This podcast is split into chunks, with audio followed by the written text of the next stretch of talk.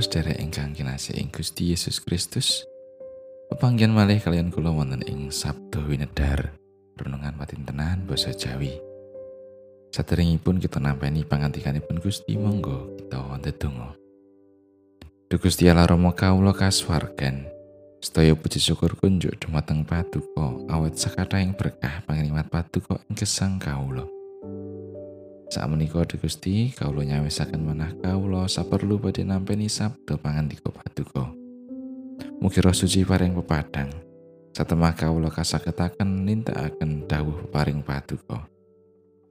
Kawula ngrumaosi dereng saged ngecakaken dawuh paduka kanthi sampurna. Mugi Gusti kersa ngapunteni.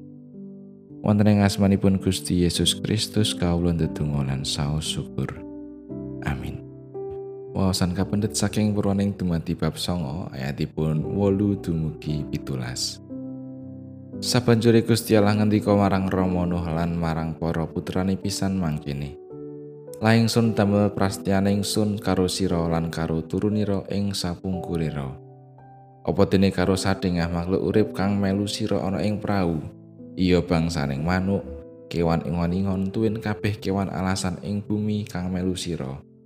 Kang wis padha metu saka ing prau ya sarupaning satu kewan ing bumi. Ingsun nganakake prastianing sun karo sira. Yen sabanjure bakal ora kelakon maneh makhluk kang urip katumpes dening banjir. Lan bakal ora ana banjir gedhe maneh kang nyirnakake bumi. Gusti Allah banjur nyambeti pangandika. Iki pratandane persetya kang sun damel ing antaraning sun lan sira. Tuwin sadengah makhluk kang urip kang melu sira nganti turun tumurun kanggo ing salawase. Kluwung ingsun sun papanake ana ing mendung iku kang minangka tandaning prastaning sun lan bumi. Menawa ing tembe ingsun ngumpulake mendung ana ing sandhuwure bumi lan kluwung mau banjur katon ana ing mendung ing kuno ingsun mesti bakal enget marang prastaning sun kang ana ing antarane ingsun kalawan sira tuwin sadengah makhluk kang urip kang kadunungan nyawa temah banyu ora bakal dadi banjir gedhe maneh. Kang nyernakake kabeh kang urip. Samangsa kluwung katon ana ing mendung iku bakal sun pirsani satemah ingsun banjur enget ing prastyaning sun kang langgeng ing antaraning Allah lan kabeh makhluk kang urip kabeh makhluk kang ana ing bumi. Tumuli Gusti Allah ngandika maneh marang Ramana ya iki pratandaning persetyan ing antaraning ingsun lan sarupane makhluk kang ana ing bumi Makatan pangantikanipun Gusti ayat na saking ayat 13. Kluwung ingsun sun papanake ana ing mendung. Iku kang minangka tandaning prastianing sun lan bumi. Tondo saged dipun mangertosi minangka barang ingkang kaangge nggambaraken utawi martelakaken perkawis-perkawis ingkang boten katingal. Upaminipun kalpika neningkahan minangka tondo pratelaning prastya ningkah ingkang sampun kaucapaken sinaosa mboten saged dipun tingali. Tiyang ingkang ngangge kalpika ningkah kaemotaken ing janji ningkahipun ingkang kedah dipun tetepi salaminipun gesang. Gusti Allah ugi ngagem tondo kangge martelakaken lan ngetaken prastyanipun. Gusti prasetya dhateng Rama lan para putra, sumrambahipun dhateng daya titah ingkang gesang. Bilih panjenenganipun boten badhe ndatengaken banjir ageng malih ingkang nyirnakaken sedaya titah. Prastya menika ada dasar Gusti. Sanes ada dasar kasaenanipun manungsa.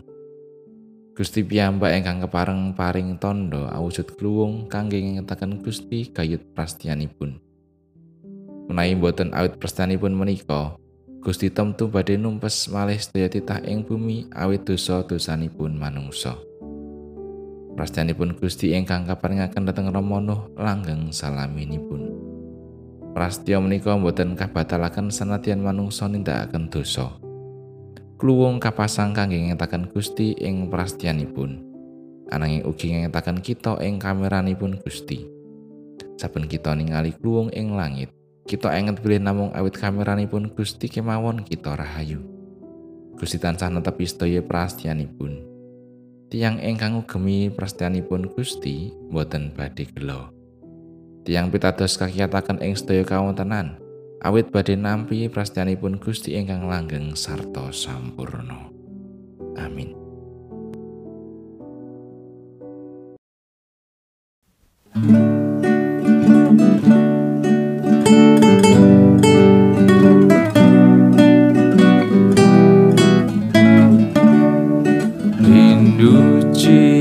Gusti kang nitaken jagat siang ratri tan kendat ganjar seramat.